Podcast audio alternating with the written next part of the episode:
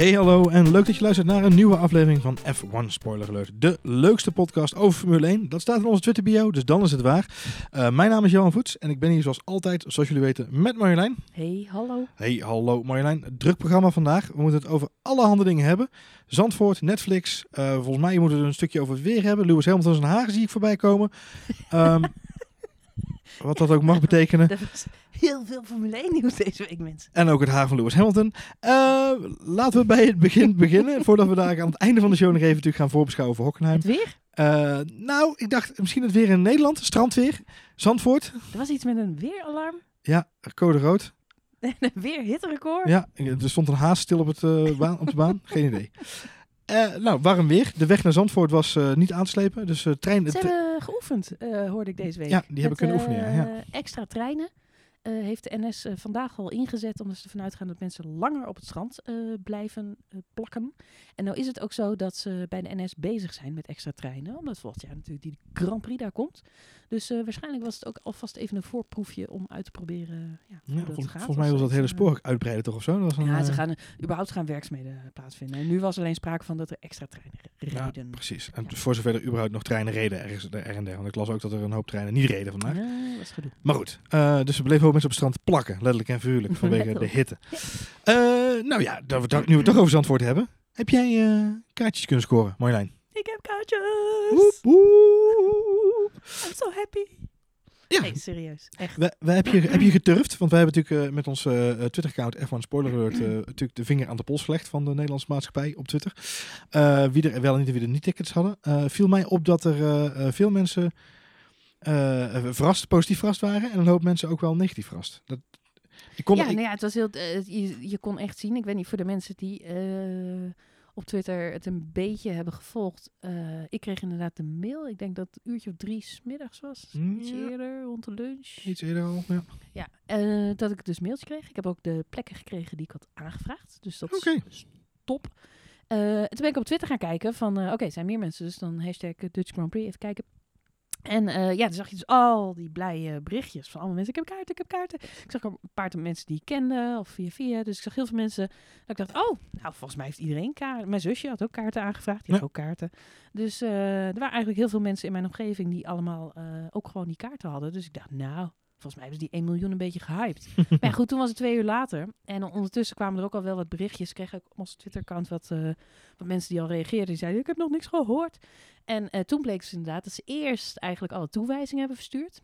En pas als laatste zijn ze een beetje die, uh, ja, het slechte nieuws uh, gaan sturen. Ja. Of dat, ja, het zat wel een beetje door elkaar. Ik weet niet, voor de mensen, uh, ik werk zelf in de, in de internetindustrie. Als je een mailtje moet versturen aan 165.000 mensen, of weet ik veel hoeveel het waren. Dan, uh, ja, dan, dan gaat dat niet in vijf minuten. Nee. Dan wordt dat in batches. In gedaan. batches, Dus dat betekent dat ze het in stukjes hakken. Dus elke vijf minuutjes gaat er een mailtje uit of zo.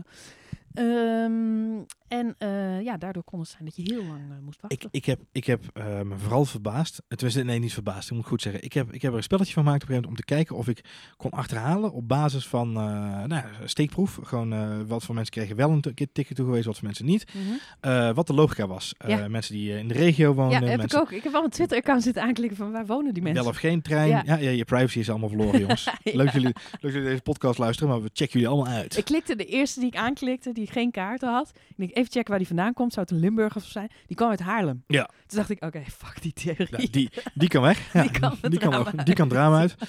Uh, toen heb ik nog, uh, op een gegeven moment hadden we ook uh, mensen met Engelstalige mailings versus Nederlandstalige mailings. Ja. Met andere woorden, en we waren niet de enige. Ik zag een hele hoop mensen in ja, ons, in ons omveld. om een soort tactiek hierachter. Een soort te- algoritme te ontdekken Ja, wat hier gebeurd was. Maar het lijkt er toch op dat het een, een echt een loting is geweest. Een, traditionele, lekkere ouderwetse loting. Ja.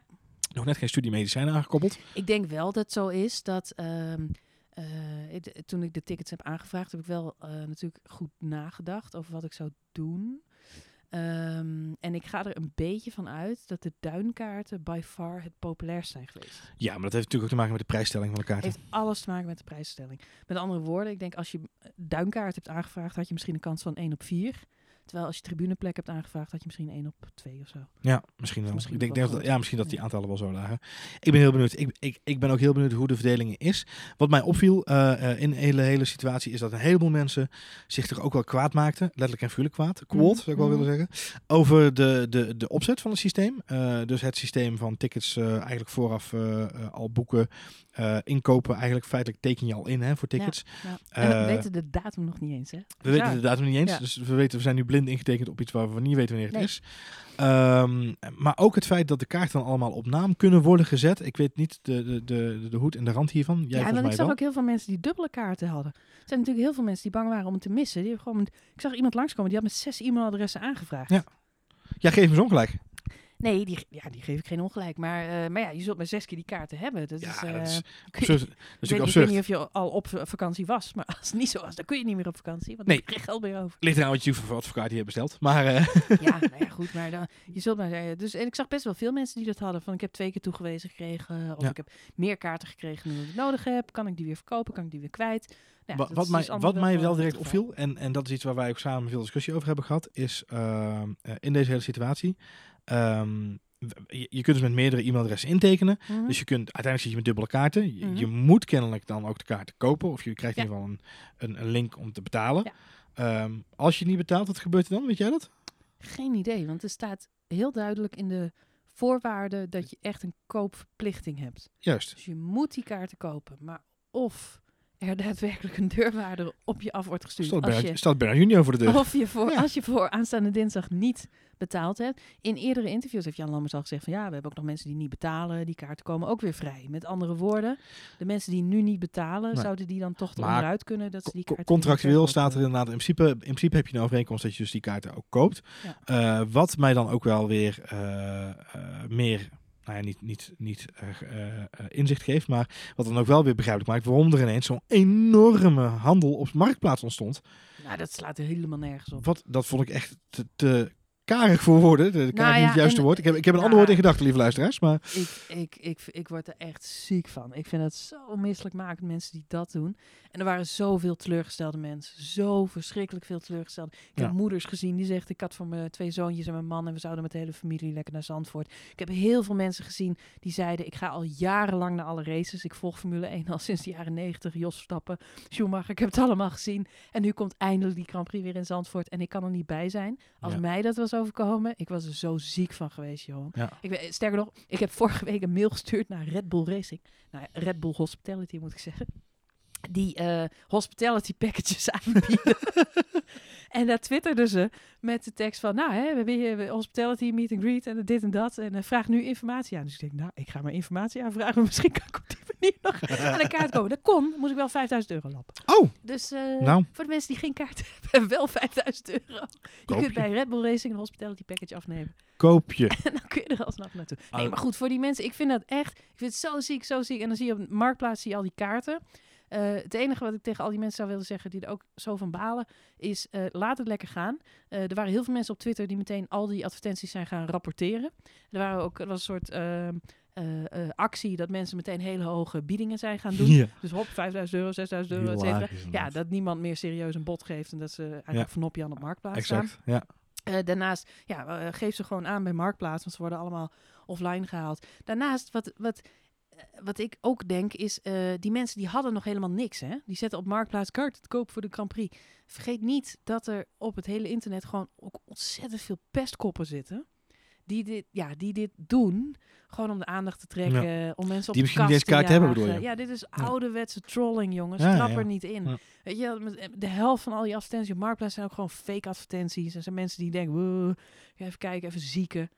Weet je wel, het is weer in Nederland een beetje zo in de, eh, met een stok zo iemand zitten te porren om een beetje te etteren. Want onderaan de streep, wat verkoop je nou via Marktplaats? Je hebt, nog, je hebt een betaallink, je hebt nog geen ticket, je hebt nog geen... Weet je, je kunt nog niet eens iets verkopen. Het zijn ook gewoon oplichters. Het, het is wel ehm, even eh, een kritische noot naar eh, onze positieve liefde naar de Grand Prix van, eh, van Nederland die eraan zit te Mhm. komen.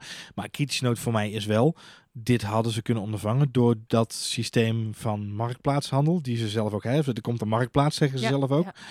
eh, waarin mensen hun, eh, hun overbodige tickets ook kunnen verkopen als het nodig Ja. is. Mochten ze dubbele tickets hebben. Dat systeem had er dus al moeten zijn. En eigenlijk hadden, Ja, nou, had je dus de ja. hele situatie kunnen voorkomen door te zeggen, eh, alle aankopen worden direct op naam geregistreerd. Mhm. zodat je ze ook niet op marktplaats kunt verkopen. En je kunt ze alleen doorverkopen via een officieel ja, kanaal. maar dat is lastig. Want onderaan de streep... eh, en, en tot nu toe ben ik eerlijk gezegd best wel onder de indruk van hoe ze het hebben ingericht. Eh, in die zin dat ze nu... Ze hebben al een hele sloot mensen eh, blij gemaakt. Die, die nu tickets hebben. En je moet het ook zo zien. Circuit Zandvoort heeft natuurlijk gewoon geld nodig om deze Grand Prix te organiseren. Mhm. We kennen allemaal het verhaal van de sponsoren. Ze hebben een hoop bedrijven bij elkaar verzameld die allemaal ettelijke miljoenen hebben ingelegd om deze Dutch Grand Prix realiteit te maken. En een ander deel waar ze echt van op aan moeten kunnen is het geld, eh, de ticketverkoop. Nou, ze hebben niet de luxe, ze zijn een nieuwe race. Ze hebben nog niet de kas van afgelopen races of zo. Dus wat hebben ze gedaan? Ze zijn al een jaar van tevoren hebben ze die kaartjes in de verkoop gegooid. En Jantje Lammers en eh, prins, eh, prins van Oranje, die hebben deze week ineens een bankrekening die in de miljoenen loopt. Ja.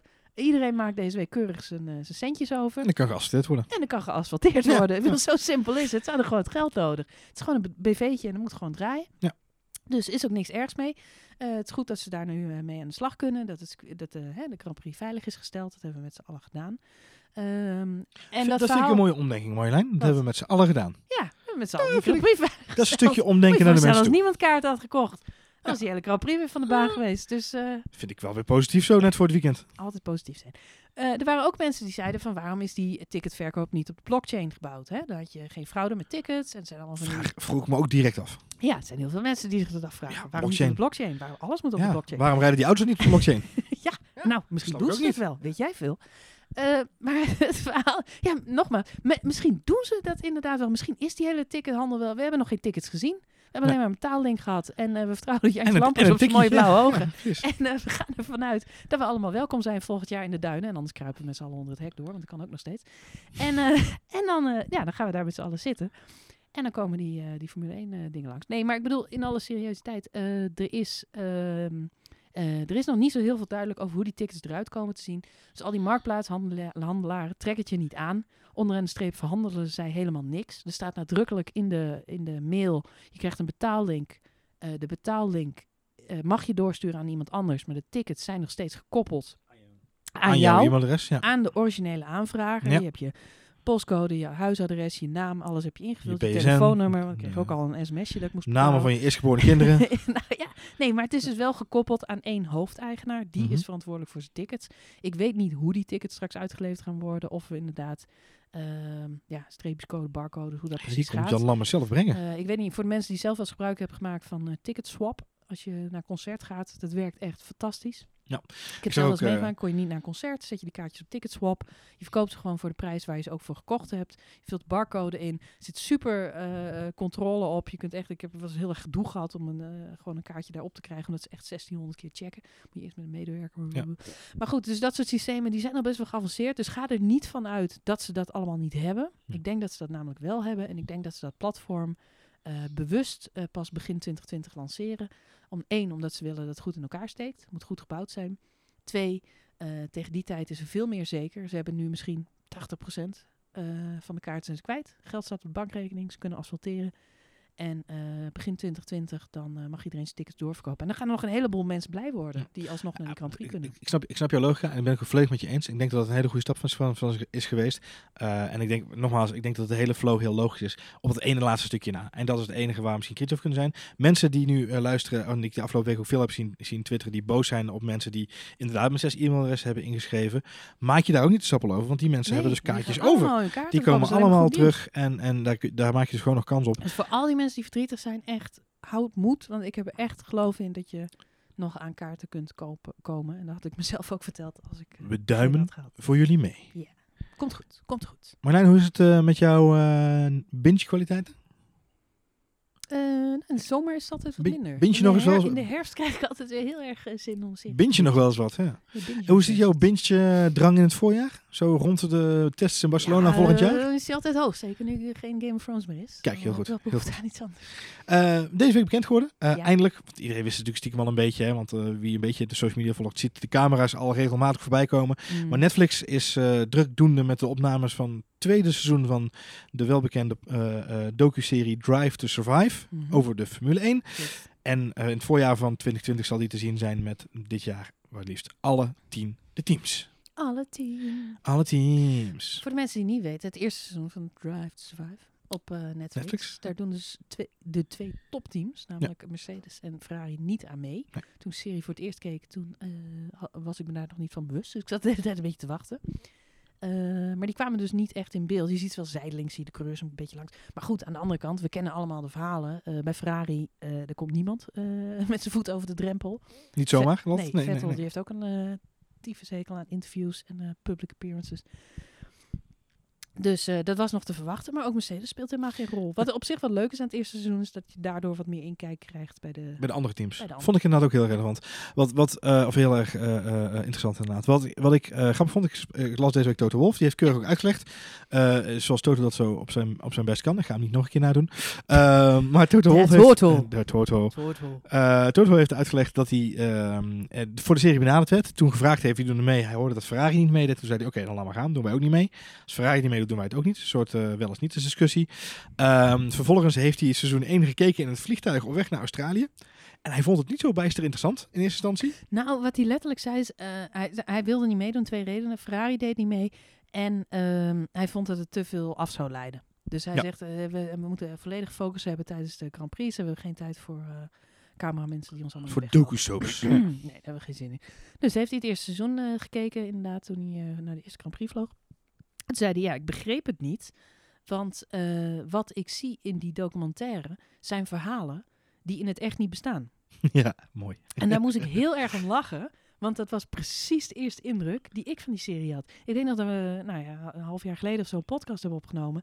En dat ik ook zei van, ja, ik, ik voel het niet. Nee. Ik heb niks met die serie. Maar toen had ik net de eerste drie, vier afleveringen Ja, gekeken ja. of zo. En ik had er echt grote moeite mee. Omdat ik dacht, hè, is dit gebeurd? Dit is helemaal niet de manier waarop ik het seizoen van vorig jaar heb meegekregen. Maar ja, ze maken, wat het laatst ook al over, zij maken van kleine dingen een hele aflevering. En dat is dan ja, het scenario, zou je bijna kunnen zeggen. Nou ja, nou is de, de bijdrage van Mercedes dit jaar is ehm, eh, ook weer vrij beperkt. Ik ga, niet, ik ga er niet vanuit dat je elke week bij Bottas op schoot zit. Ehm, Gelukkig niet. Nee, gelukkig niet inderdaad. Eh, het verhaal is namelijk dat Mercedes dit weekend, of eh, dit jaar maar één, hè, nou verklap ik het al een beetje, dit, dit jaar maar één draaidag heeft. Mm. En dat is dit weekend op Hockenheim. Ja, nou, dus ze moeten aan de bak. Nou, dus maak, dan eh, maak er maar een leuke show van. presteren jongens. Beetje Ja. drama alsjeblieft. Als ze allebei uitvallen, is het ook een mooie Ja, aflevering. heerlijke tekening voor. ook tof zijn. Ja. Maar Eh, dat zal wel niet gebeuren. Niet geheel toevallig, en ik zei het gelijk tegen jou toen ik, toen ik dat las. En toen wij Mhm. het over dit, dit segmentje hadden, zei ik gelijk tegen jou, dat is ook toevallig. Dit jaar vieren ze ook de 125-jarige bestaan van eh, Mercedes in de motorsport. Ja, ja, ze pakken groot uit. Ze hebben heel die auto, eh, nou ja, heel die auto. Ze half, Ah, Half de auto. De halve auto hebben ze geskind. Maar gisteren inderdaad op Twitter iemand eh, zag zeggen van... eh, ja, dat is ook een beetje jammer. Want Als je dan doet, doe het dan helemaal. Doe dan niks inderdaad. Ja, Ja. nee, ik, vind, ik, vond het, ik ben het dat volledig wel mee eens. Want ik was heel erg hyped. Ik zag die neus, een mooie oude logo Ja. erop. Mat Oh, maar die- wit. Die Instagram-foto van alleen maar dat, hand, dat, dat oude Mercedes, dat handschrift, dat zwarte op dat wit. Ja. Zo mooi. dat, Plaatje. dat mat witte inderdaad. Ook, Plaatje. ook zelfs de, de logo's van de sponsoren zwart-wit gemaakt. Oh, het zo mooi nou, dit, zijn. dit, had, dit had het heel prachtig kunnen zijn. En dan uiteindelijk loopt het dan toch over in de huidige li- livery. ja, de, eh, ja, die is gewoon half eh, ja, zilver. Hij, met, hij- eh, alsof hij er blauwe kleuren. afgekrast Ja, wordt. wat ik dus ook heel jammer vond, is dat al met al, de, gisteren dan nog even op Twitter een dialoog over, hadden ze dan niet in elk geval de oude logo's van de sponsoren erop kunnen zetten. Eh, maar ja, toen ging ik dat een beetje nazoeken, want er Ja. Tommy Hilveer, Petronas, eh wat is die andere, I- IWC, ICW. ECW, ja. Ja. dat was dan wel het oude logo. Ja. Petronas en Tommy Hilveer eh, is het nieuwe logo. Maar hun logo's zijn niet zoveel veranderd de Nee. afgelopen 30 jaar. Nee, want Ze hadden het oude- hetzelfde. ja. Nee, ja, het is eigenlijk altijd hetzelfde. Maar ja, goed, als je het gaat opzoeken, is de spacing net even anders en dit en dat. Ja. Maar dat hebben ze dus niet gedaan. Nou Dus ja. het is een beetje half-af. Wat we ook gaan zien in het nieuwe seizoen van Drive to Survive, Hm? is het eh, fantastische haar van Lewis Hamilton. Nou ja, het haar van Lewis Hamilton speelt altijd een hoofd. Ik, ik, Op de een of andere manier associeer ik die man echt al sinds mensheugenis met zijn haartje. Altijd, als hij, uit, als hij gewonnen heeft of hij stapt uit zijn auto, eerst wat hij doet, zijn haar. voor de mensen die nu denken, waar gaan we heen met dit verhaal? Er staat in mijn draaiboek hier nu voor mij daadwerkelijk Lewis Hamilton's haaradvies. Heb je die gezien. En ik kan je één ding vertellen. Lewis Hamilton had op een gegeven moment niet zo heel veel haar meer. Maar jij wist me te vertellen hoe dat kwam. Nou, hij was van de week op Instagram. Dus, eh, ik zag weer een, eh, een kijkje in het leven van Lewis Hamilton voorbij komen. Even weer een kijkje achter de deur bij Lewis. Ja, die man die kan er wat van. Nee, ja, eh, op Instagram, je hebt mensen die posten alleen maar foto's. Je hebt ook mensen die posten een foto en dan komt er een heel, ja... Een epistool bij. Een epistool bij, Ja. omdat ze even hun hart willen luchten. Nou, Lewis Hamilton wilde ook graag even zijn hart luchten. Stond weer met een grote bos krullen op de foto. En hij steekt daar een heel verhaal af. Hij zegt, ja, vroeger, mensen, vroeger. Toen Vroeger. Besteedde ik niet zoveel aandacht aan mijn haar. En eh, ik waste gewoon mijn haar met goedkope shampoo. En eh, ja, als ik voor mijn Formule 1, als ik in het buitenland was, in de hotelkamer, dan pakte ik gewoon die flesjes, weet je wel, die zo gratis in die hotelkamer. Heerlijk. Leg maar wat. Oh. Ja, dus daar was ik allemaal niet mee bezig. Maar eh, ja, op een gegeven moment werd mijn haar dunner. En ik voelde me daar heel onzeker over. En nou, toen ben ik naar een goede kapper gegaan. En die adviseerde mij om, om echt te investeren in mijn haar. Dus ik moest duurdere shampoos kopen, luxere producten. Goed voor mijn haar zorgen, net zoals voor mijn huid voor mijn hele lichaam. Dus mensen, laat dit een eh, wijze les zijn. Wereldwijd zouden wij kinderen moeten leren dat ze meer aandacht moeten besteden aan hun haar. Want je krijgt maar één keer haar. En daar moet je het mee doen. ik weet het niet. Mm. Ik parafraseer. Ik, ik wil zeggen, als Lewis, als, Lewis, als Lewis Hamilton heeft geschreven, je krijgt was- maar één keer haar, dan heeft hij gelogen. Maar echt, dit was min of meer de strekking van zijn Instagram-post. Dus mensen, pas op je haar. Die shampooflesjes in hotelkamers niet meer gebruiken. Dat is rubbish. Binnenkort, binnenkort een nieuwe single van Bas Lerman. Where? Wear good shampoo. Good shampoo. Use good shampoo. Use good shampoo. Nou ja, dus als, als Lewis Hamilton echt geschreven heeft dat je maar één keer even you dan heeft hij gelogen. One Ja. tip for the future. Nou, dat lijkt me een heel mooi bruggetje naar het silly season, denk ik, dan maar Marjolein. Ja, dit was ook al een beetje silly.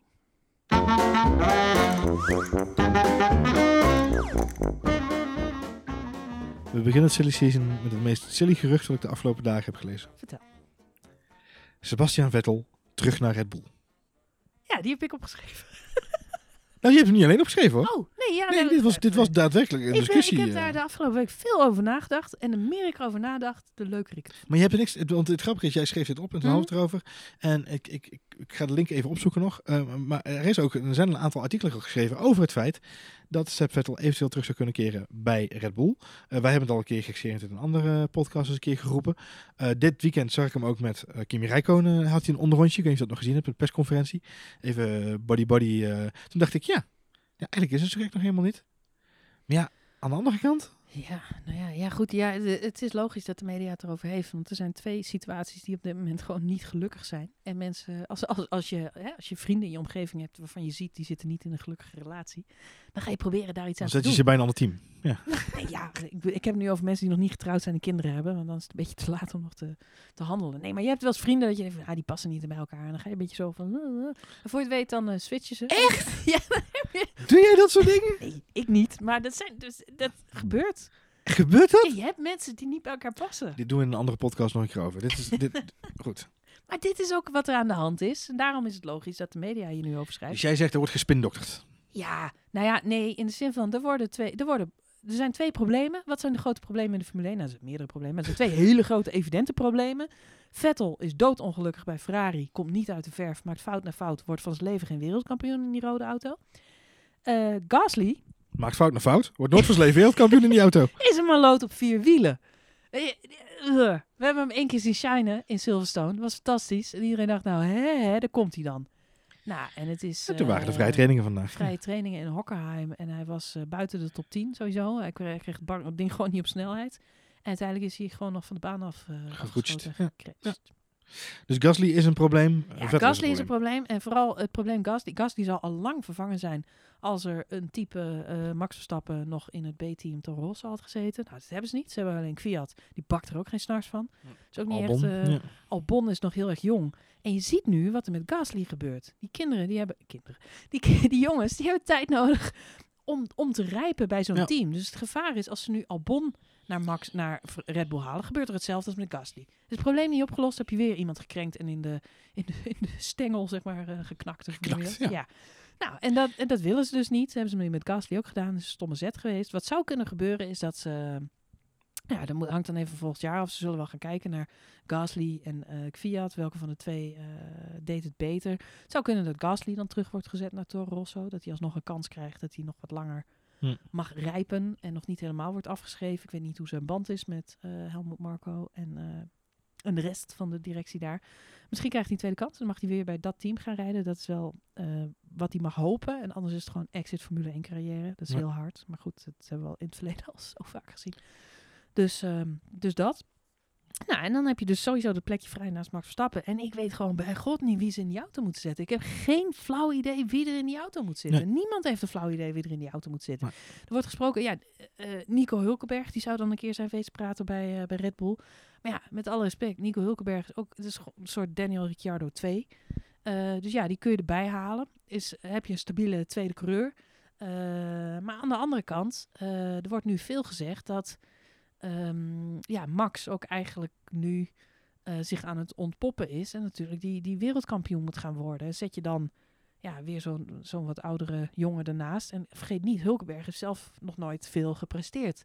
Dus die gaat dan ook weer ehm, races willen winnen. Of dan krijg je misschien weer situaties zoals je met Ricciardo ook had. Dat Ja. is een beetje Beetje gedrag. Ja. Ja, goed, alhoewel Ja, dat natuurlijk niet erg zou zijn. Zo erg zou Hulkenberg natuurlijk nog niet zijn naast eh, Max. Maar Nee. goed, de, de totaal andere optie, eh, die natuurlijk ontzettend nieuwsmakend is, daarom heeft iedereen het erover, is Vettel terug naar Red Bull. Hij heeft daar altijd met heel veel plezier gereden. Hij heeft een hele goede band met iedereen bij het team. Eh, hij komt er nog steeds graag over de vloer. Hij heeft een goede band met Helmut Marko. Har Ma- Helmut Marko. Met, met, alle, met zijn engineers, met Ja, al die ja, ja, mensen. ja. Dus ehm hele andere sfeer dan bij Ferrari. En ja, het kan gewoon zijn dat eh, Vettel ook zoiets heeft van de maat is vol. Bij de Italianen gaat het gewoon niet worden. Nee, maar goed, dan gaat hij terug naar het warme bad van Red Bull. Eh, Ja, dan dan, moet hij... krijg je wel een interessante situatie. Dan, want hij gaat daar niet als tweede coureur zitten. nou, dat is even de vraag. Want dit is dezelfde Sebastian Vettel die met Mark Webber regelmatig een Ja. deed. Ja, ik, dat is dan het enige wat niet zo... eh, En die zich in het jaar dat hij door Ricciardo stond voor zijn ogen werd gereden ook echt ging misdragen. Dus het is, het is, het geen makkelijke jongen, Sebastian nee, Vettel. nee, ik weet ook niet of hij... eh, Hij is heel sociaal aardig misschien, maar het is geen... Nee, het is geen- onder- nou, het is ook een winnaar onderaan de streep. Ja, ja, ja. Nou ja, goed. eh, Je moet daar een beetje van de wieg gelegd zijn. En ja, we hebben, ik, ik heb het heel vaak over Rubens Barrichello in deze podcast. Omdat het echt voor mij zo de belichaming is van de tweede coureur. Iemand die zich heel erg schikt. En Massa was het trouwens ook hoor. Maar iemand die echt... eh, ja, nou ja, het zit al in die koppies. Zo, Zo'n blij eihoofd. Dat je denkt, ja, sympathiek. Maar daar ga je geen wereldkampioen mee worden. Het, is- het heeft niet de, de mentaliteit, de hardheid die je nodig hebt om... eh, ja, om... eh, Om echt door te breken. Nee. nou ja, ze, één, ze- het begint allemaal bij talent. Ben je snel genoeg? Nou, Schumacher die had dat. Dus dan, ga je no- dan rij je eigenlijk altijd in die persoon zijn schaduw. Maar bij Ferrari telt dan ook altijd nog mee. eh, schik je je echt in die tweede positie. In die een beetje ondergeschikte eh, rol. En het interessante is wel dat we afgelopen twee jaar bij Mercedes en Ferrari hebben gezien. Je had Bottas eh, bij Mercedes en je had Kimi Räikkönen bij Ferrari. En dat waren alle twee dat vond ik dus hele andere tweede coureurs dan zo'n Barrichello en Massa. Omdat ze allebei puntje bij paaltje volgen ze de teamorder op. Als het er echt op aankomt. Maar onderaan de streep zijn het allebei wel winnaars. Die Ze- zelf nog echt ervoor gaan. Ze zoeken wel de strijd op zolang ze Ze kunnen. zoeken Ja. echt de strijd op. En als de andere probleem heeft, profiteren ze daar eh, pff, makkelijk van. En dan pakken zij de overwinning. Ik kan me vorig jaar nog pakken. Kimi Räikkönen was er op het laatst, toen die geruchten gingen dat hij weg zou moeten bij, bij Ferrari. Ja. Was hij ineens heel erg op gebrand om nog die eh, race te winnen. Dat ging toen mis in Italië. Italië, ja. Dat Oh, het weekend waarin je het ook te hoog kreeg inderdaad. Ja. Ja. uiteindelijk won hij hem gelukkig in, in Amerika, wat natuurlijk prachtig was. Maar ja, eh, dat, soort, dat zijn goede tweede coureurs. Is Sebastian Vettel dat? Nee, Nee. ja, nee. dat zeker denk niet. ik En zeker niet naast Max Verstappen ben Nee, ik bang. zo'n type is het helemaal niet. Dus ja, dat, dat wordt dan wel weer. Overigens, Gek. Nico Hulkenberg, even terugpakken naar Ja. die, die jij noemde inderdaad. Eh, natuurlijk, daar is ook veel over te doen geweest. Mhm. Andere geruchten die ik hoorde was dat hij op de plek zou kunnen komen van Grosjean bij Haas. Mhm. Ehm, wat natuurlijk ook niet helemaal gek zou zijn na het presteren van Grosjean de afgelopen periode.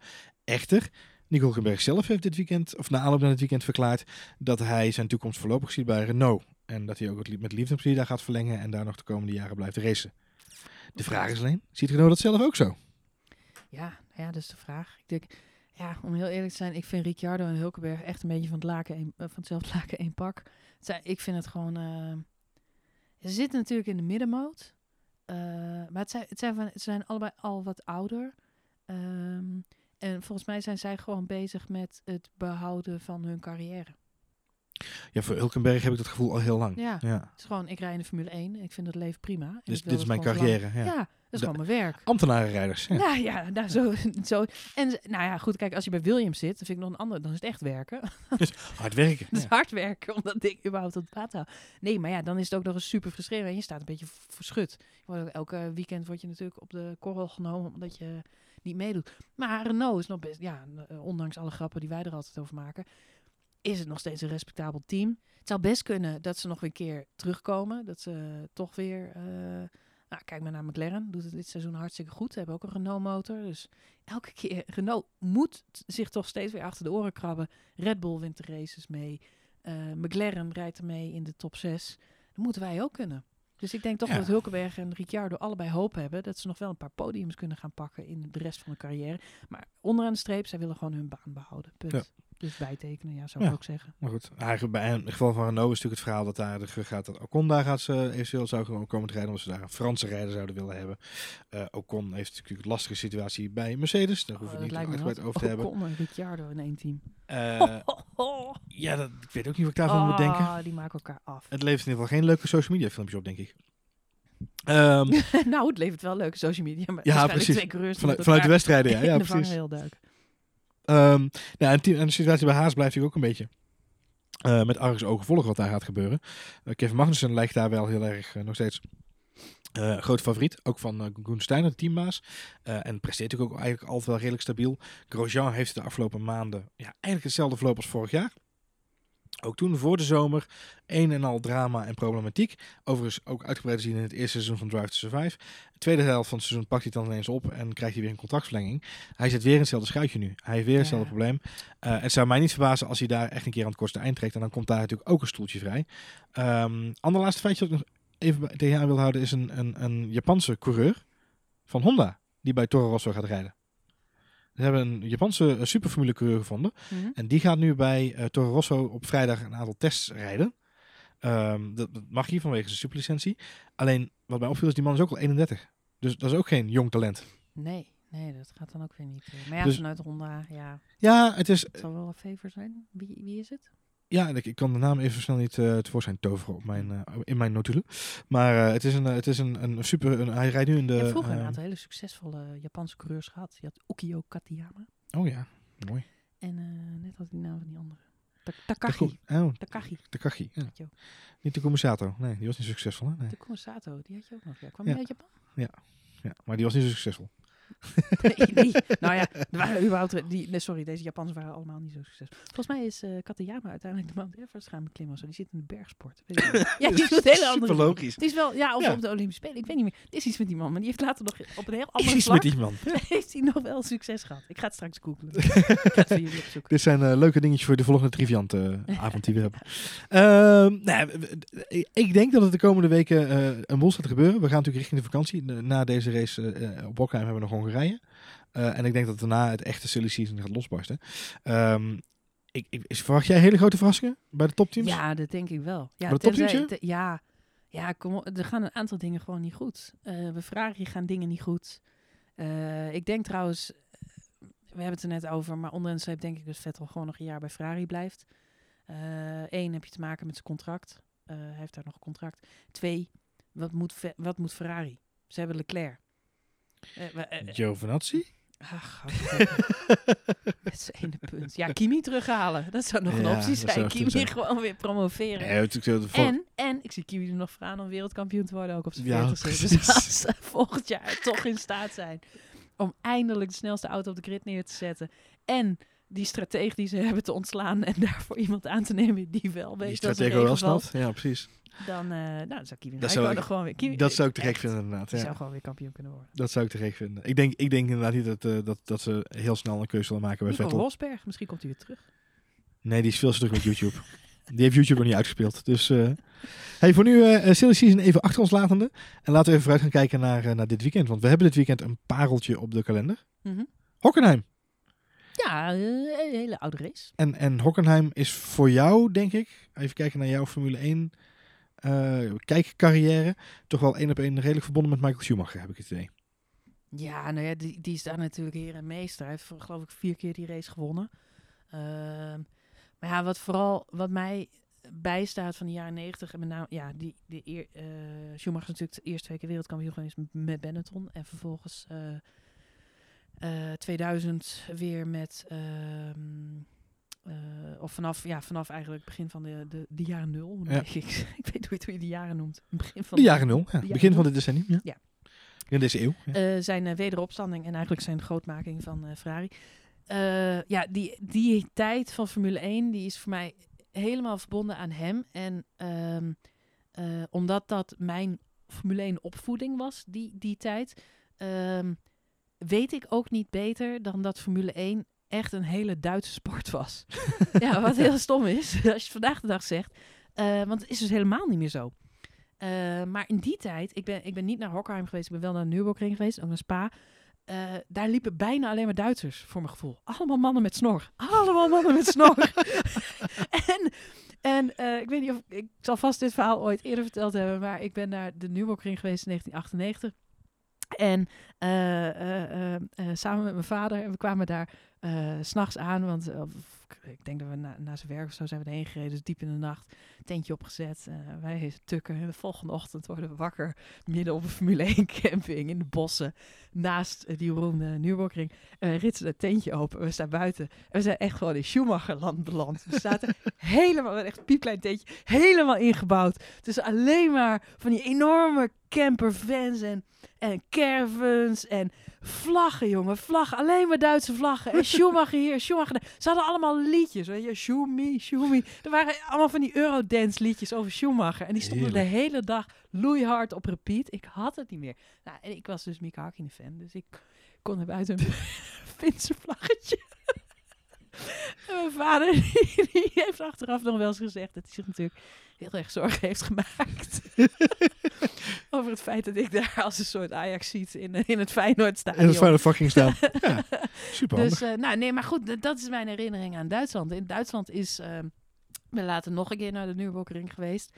En, eh, en toen ook, ja, Duitsers die hadden echt, en de hele beleving daar is ook, eh het is grappig, want wij zijn laatst in Oostenrijk geweest. En ehm, eh, ja, het is een hele mooie setting, maar Oostenrijk is weer een heel andere sfeer toch dan Duitsland. Lijkt wel op elkaar, maar het feit dat het daar in de bergen ligt. En Graz is een hele mooie, luxe stad met, eh, met mooie hotels en mooie ehm, omgeving. En, en Duitsland, ja, dat is een soort lowlands. En overal staan van die, eh, van die, van die, van die biertenten. Ja. En iedereen gaat rond met hele grote pils eh, van die, van die, van die. Ja. En eh, overal haal je braadworst, bokworst, dat eet je. Weet je, het is geen, eh, ja. dus Klinkt als een heb- goed feest. ik heb het hier natuurlijk over inmiddels alweer eh een hele tijd geleden. Maar ja, het, ja eh, vrachtwagenchauffeurs, echt mannen, die, die kwamen daar voor Schumacher. Dus nee, ja, Du- Duitsland en Formule 1, dat was echt een dingetje. Die man was echt een nationale held. En het gekke is, dat is daarna nooit meer... ehm, Gekomen. ja, Nee. nooit meer gekomen. Terwijl we Vettel natuurlijk hebben gehad. Die is vier keer wereldkampioen geweest. Of Rosberg inderdaad ook niet. Nou ja, ook één keer. Ja, goed. Ah, Rosberg heb je altijd het verhaal. Hij is half-half, want hij is half Fins. Ja, dat is waar. Dus ja, die Duitsers zijn toch een beetje puristisch als het op je achtergrond aankomt. Maar eh, eh, eh, ja, nee, ja, Vettel heeft het nooit van elkaar gekregen. Maar ja, dat komt ook door het type man wat Vettel is. Vettel is vier, keer wereldkampioen geworden. En, en het maf vind ik, dat hij heeft op Hockenheim nooit kunnen presteren. Hij is daar nooit hoger geëindigd dan de derde plek. Nee, klopt. Dat is toch absurd? Ja, Het is een thuisrace. vorig jaar- Ja, vorig jaar won hij op Silverstone. Eh, terwijl hij het eigenlijk een week later had moeten doen. Maar hij reed ook vooraan die week later. Ja, dat, ja, dat Goed. echt voor. Ja, wat dat betreft, Vettel heeft iets goed te maken. Maar ja, dat zeggen we elke keer over Vettel. En Elke week kunnen we dat gewoon herhalen Het inderdaad. is wel belangrijk dat hij wint. Want als hij deze week niet wint en volgende week in Hongarije niet wint, dan zit hij een jaar, geloof ik, zonder overwinningen. Dan is hij twaalf maanden zonder voor. Ja, dan is hij twaalf maanden zonder overwinning. Ja. Een jaar geen overwinning Ja. voor Vettel. Dan Moeten hebben we wel bij zeggen dat begin dit jaar natuurlijk zijn overwinning werd afgepakt. Ja. Wat niet helemaal... eh niet helemaal. waar ik het snel van Waar we het niet allemaal over eens waren inderdaad. Maar eh, eh, twaalf maanden zonder overwinning. eh, betekent dat alleen Bottas en Verstappen meer overwinning hadden inderdaad. Ja, dat was de statistiek die we de vorige keer hadden heeft er ook meer. Kimi Räikkönen heeft ook eentje inderdaad. Die Ja, pas in eh, Ja. Amerika. ja, die gaat. eh, die heeft nog tot aan Amerika voordat hij Ja, weer een keer hoeft te winnen. Dus dat scheelt. Hey, ehm, eh, dat, als je dat dan zo op zet, we krijgen natuurlijk een nieuwe Schumacher. Ja, nou ja, dat vond ik dan ook weer zo wat. Het Vettel heeft daar deze week wel iets over gezegd. Eh Mick Schumacher, die rijdt natuurlijk rond in de Formule 2. Ja. Eh, wat trouwens heel grappig is. Rijdt hij dit weekend ook in de auto van zijn vader een demo? Ja, hij rijdt daar een demo inderdaad. eh, in de, de, 2004 volgens mij. de F4. Ja. 2000, Oh, ga je ze nu proberen op te lepelen? Ja. Iets met 4. Ik zou dat dus nooit durven, hè? Iets met de, de FP4. wou ik Iets- iets met een F, ja. ja, Is de een F F4. en een paardje erop. Nou, Ja. Die dus. Die. Eh, daar mag je een rondje in rijden. Maar Vettel heeft in een interview gezegd dat we Mick Schumacher vooral met rust moet laten. Dat die jongen de tijd moet krijgen om te rijpen. En eh, ongestoord en onge- onbekommerd uh, ja, De sport in moet groeien. Ja. ja. En niet uh, omdat hij natuurlijk de zoon van is. En we mogen hem al zeker niet vergelijken met, met zijn vader. Het is natuurlijk super sympathiek dat hij dat, dat hij dat zegt. Wat ik wel opvallend vond, is hij zei dat. Hulkberg heeft hetzelfde gezegd. Wat natuurlijk ook logisch is, want die twee mannen zijn Duitsers. Dus die worden daar natuurlijk door alle media geïnterviewd. Geïnterviewd en gevraagd. Ja, ja, ja. Nou, de des gevraagd zeggen ze dan uh, dit soort dingen. Wat zij allebei ook aangaven is dat ze hopen, als Mick Schumacher ooit de Formule 1 bereikt, uh, dat hij er dan voor gaat zorgen dat Formule 1 in Duitsland weer net zo gaat leven als in de hoogtijdagen van Michael Schumacher. En dat vond ik een opvallende uitspraak. Wat ik net al zei, voor mij was een tijd lang Formule 1 echt verbonden aan Duitsland. Ik heb het Duitse volkslied zo vaak gehoord dat ik het niet meer horen kan. Um, en het feit dat zij dat allebei zeggen, dat is natuurlijk ook wel een beetje uh, uh, ja, krenkend. In de zin van, zij zijn allebei Duitsers en ze hebben dat niet voor elkaar gekregen. Ze Nee. hebben het niet voor elkaar gekregen. Ze, de, de rijden Duitsers in de Formule 1. En op de een of andere manier schaart Duitsland zich daar niet achter. Ja, dat is toch typisch. Dat is heel typisch inderdaad. We zien, we zien in de Formule 2, want daar rijdt Schumacher nu, en Mick Schumacher rijdt nu in de Formule 2, zien we ook uh, een kleine Alesi. Alesi. Bijzonder hè? Ik vind het zo gek. Ik had het laatst opstaan en dan zie je in die, ja, die sidebar, zeg maar, met die ro rondjes je Alesi staan en Schumacher staan. Dat had ik echt zo'n weemoedig moment dat ik dacht, ah. Ja. Ja, ik kan daar nog niet zo heel goed tegen. Ik had het laatst ook, een paar jaar geleden ook toen de, zoon van Patrick Kluivert debuteerde bij Ajax. Dat ik dacht, ik ben Ja, hier nog niet aan ja. toe. Ik Ja, ben hier fysiek, lichamelijk nog niet aan toe. Hetzelfde geldt voor Schumacher, eigenlijk. Maar goed, hey, ehm, dan kijken we even naar, eh, naar Hockenheim voor dit weekend. Ehm, eh, eh, laten we beginnen met de trainingen van vandaag. Eh, wat Ja, dan weer opvalt, Ferrari weer het snelst. ja, Ferrari uiteraard. weer het snelst. Ehm, eh, stuivertje wisselen. Eerst Vettel het snelste, toen Leclerc het snelste. Op zich niet gek, want dat is natuurlijk heet. Eh, daarnaast laat Mercedes nooit achter Achterstandstoon zien. Nee. op vrijdag. Dus. Ehm, ik denk dat het, het meest opvallende wel weer van Sterker vandaag is nog, sorry, ik denk dat de regel bij, bij Mercedes gewoon is van half, half gas. let Ferrari have the Friday. Ja, ja, ja. Nee, ja, echt. Ik denk dat ze gewoon allemaal zoiets hebben van laat ze het maar winnen. Ja. Want zijn de Italiaantjes weer allemaal. Ja. De- de- zijn ze weer happy de peppy. Dan denken ze, oeh, we hebben hem in de zak. Nou, het is ook wel een Ik denk, ja, ja, ik denk, ik denk dat dat een. eh, jij omschrijft het nu zo, maar ik denk dat het inderdaad niet eens heel stom gedacht is dat ze dat doen om inderdaad ook in de media het beeld. Het, het is een verhaal vertellen. Ook dit is een verhaal vertellen. Ja, ja. En het verhaal is dadelijk dat, dat Ferrari altijd de sterkste is in de trainingen, maar nooit wedstrijden weet te winnen. En dat is ook een verhaallijntje wat tegen je gaat werken op een gegeven moment. Dus ik denk dat het Ah, niet daarnaast stom zie je gewoon dat er zijn coureurs heel goed in eh, snelle rondjes rijden. Eh er valt me bijvoorbeeld altijd op aan Grosjean. Grosjean was vandaag zesde. Eh, we maken altijd grapjes over Grosjean, maar Grosjean staat best wel vaak in de top 8. Ja, ook in trainingen, ja, kwalificaties ja, en in ja. trainingen. Het is gewoon een snelle coureur. Die maakt goede rondetijden. Maar ja, hij heeft, ja, in een race komt het dan nooit uit de verf. Komt het nooit echt te bakken. Er zijn meer van dat soort coureurs. Kimi Räikkönen is ook gewoon iemand die mega snelle rondjes kan neerzetten. Maar in de race heeft hij of last van, van zijn team, van strategie. Eh, ja, dat telt natuurlijk tijdens de kwalificatie allemaal niet mee. Overigens interessant bij Grosjean, want jij, jij noemde hem al even inderdaad. Mhm. Grosjean die reed dus in de Australië spec van de auto. Dus die rijdt nog in de allereerste modus van de, van de haas die er is. Ze zijn daar nu aan het, eh, aan het eh, AB-testen geslagen met, met de auto's. Dus Grosjean die rijdt nu voor straf, denk ik, in de auto van het begin van het seizoen. En Magnussen heeft de nieuwste auto. En, en hilariteit alom. Magnussen rijdt de pitstraat uit, rijdt 200 meter en de auto valt stil. Dus die hebben ze aan, en met een trekhaak eh, hebben ze hem eh, eh, weer een rondje moeten trekken en terug de pitstraat in moeten duwen. En vervolgens rijdt Grosjean daarmee de zesde tijd vandaag met de eerste auto. is toch ver- verbazingwekkend daar. Ze hebben het niet echt onder controle bij Haas. Nee, nou ja, goed. ik ik, ik hoorde laatst iemand zeggen wat... Ha Haas heeft op dit moment grote problemen met de auto. Er zijn echt dingen fundamenteel niet goed aan die wagen. En wat zij eigenlijk nodig hebben op dit moment is gewoon data. Als ze data hebben, dan kunnen ze die auto bijstellen. Dus het is niet zo gek dat ze weer met die setup van Australië rijden. Want waarschijnlijk was het een goede setup, hebben ze goed gepresteerd, waren ze tevreden over de auto. Dus laten we dat weer terugzetten. We hebben datzelfde laatst gehoord met Gasly. Gasly mag niet meer zijn eigen auto tunen. Eh, ze hebben de setup van Max gewoon één op één gekopieerd. Het ging ineens een stuk beter. Dus met andere woorden, als je gewoon een setup van een goed moment kopieert, is dat soms gewoon beter dan continu aan die knoppen draaien. Coureur die niet zo goed weet wat hij moet feedbacken. Monteurs die het ook allemaal niet snappen, et cetera. Maar goed, ze hebben data nodig. Dus wat hebben ze nodig? Twee coureurs die races uitrijden. Ja. Maakt niet uit waar ze finishen. Al gaan ze achter de Williams aan.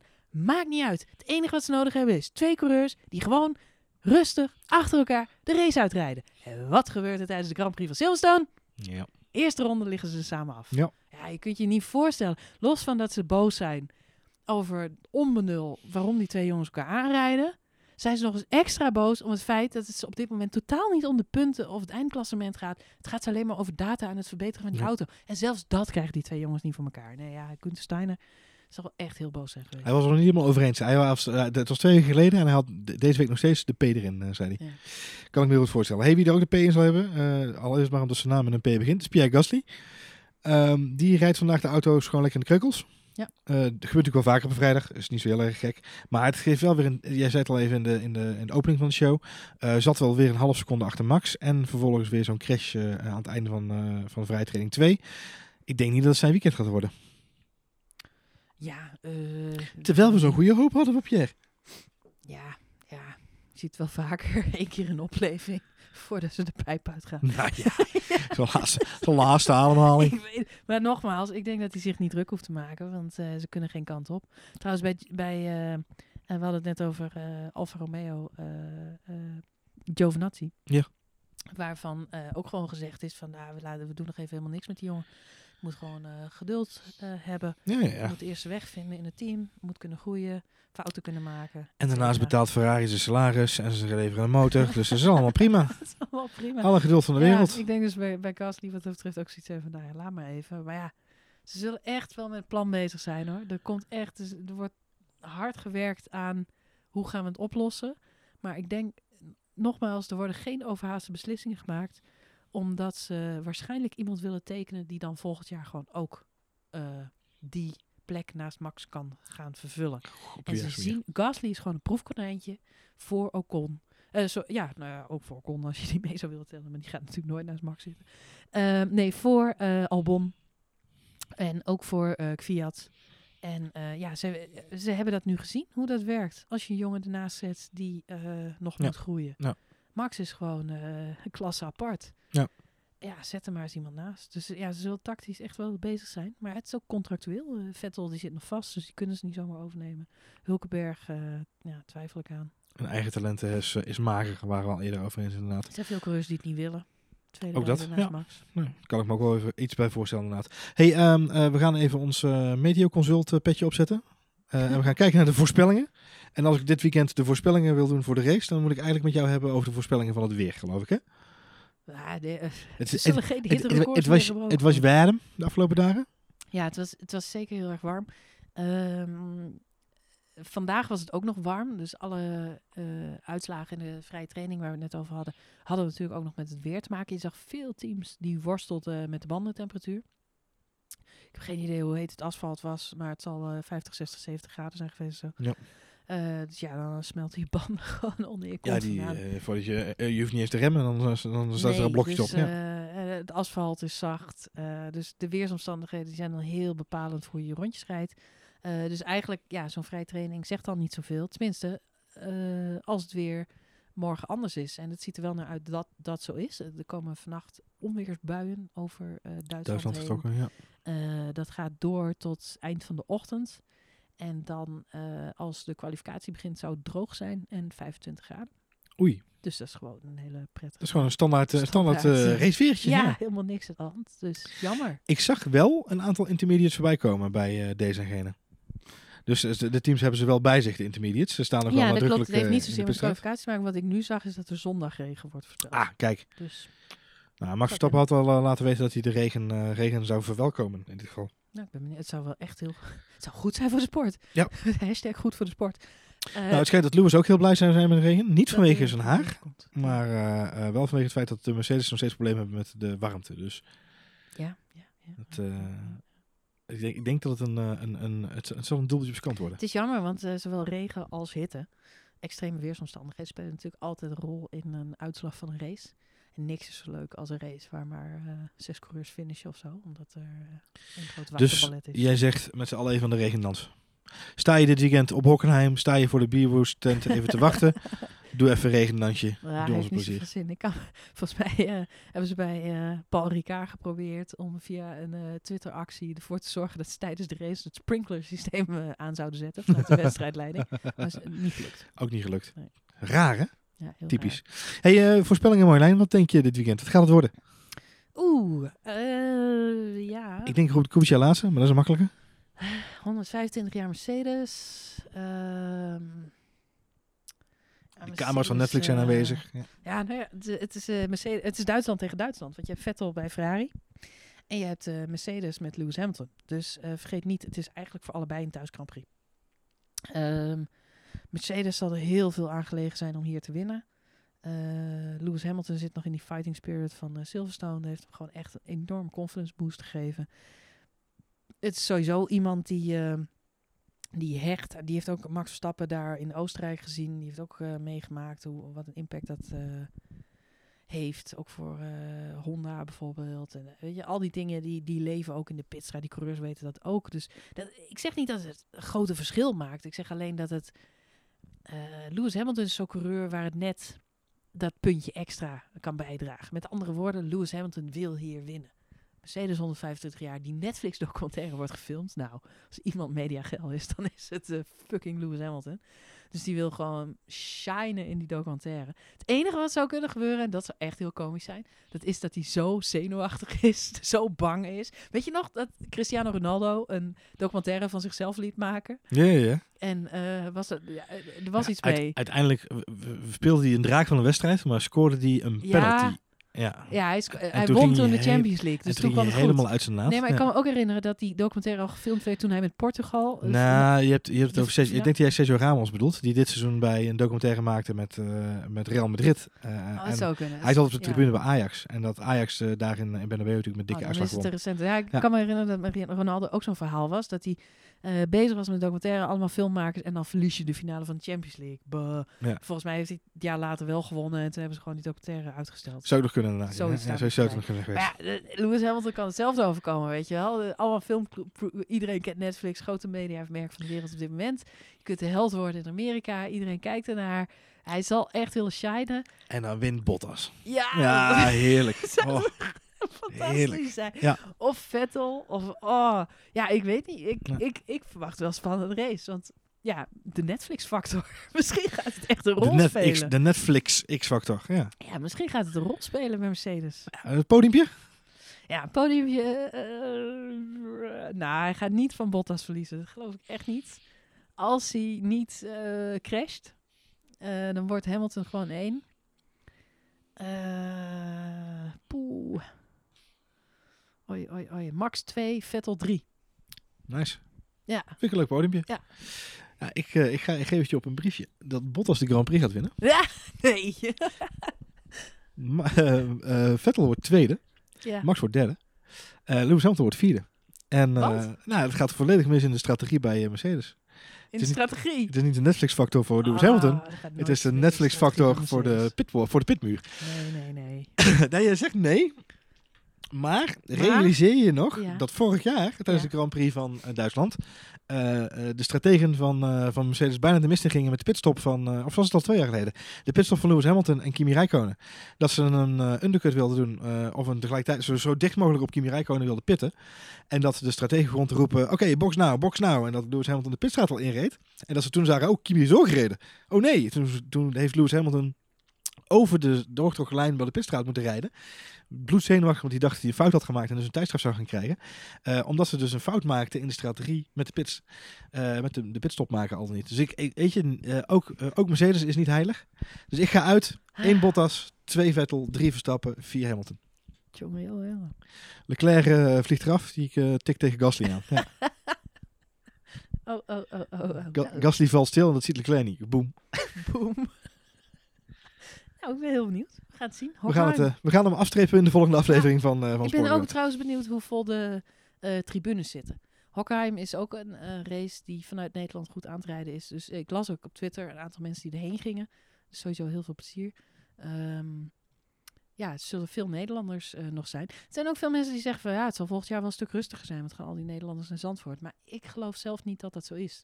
Ik denk dat sowieso echte Formule 1 fans, als het even kan, financieel, dan proberen ze natuurlijk eh, Zandvoort mee te pakken. Maar ja, voor mij voelt Zandvoort echt een beetje als een extraatje. Ja, zeker. Ehm, en die andere race, ja, die blijven natuurlijk. eh, Formule 1 race in het buitenland, ja, dat heb je al die tijd eh, gedaan. Dat is ook een vakantie, is een uitje. En, eh, Ja, maar zo zien veel mensen het ook. straks toch een beetje eh, op de fiets eh, in de achtertuin. Voor sommige mensen wel. ja. Voor andere mensen met de trein naar eh, Haarlem ja, en dan de trein naar Zandvoort. natuurlijk eh, binnen drie uur rijafstand. Ja, goed. nee, ja, goed. Ik denk dat het... Daarnaast zijn heel veel mensen... ehm, nou, Spa wordt ook al van gezegd. Iedereen die in Brabant en in Limburg woont. Spa is veel dichterbij. Spa Ja. is een fantastisch circuit.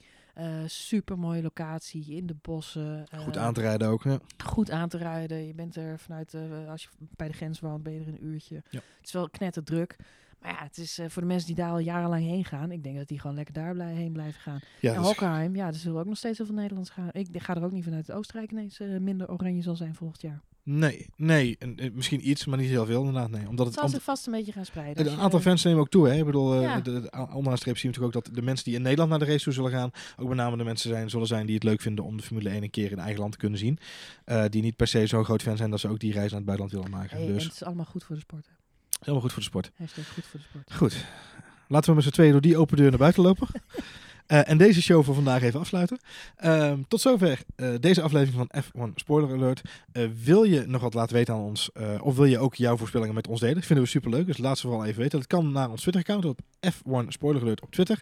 Of naar Marjolein op Twitter. Dat is Marjolein met een lange ei. Marjolein met een lange ei. Of naar mijzelf, Johan Voets. Ehm, voor nu, bedankt voor het luisteren. Eh, veel plezier bij de race dit weekend. En wij spreken jullie heel snel daarna weer.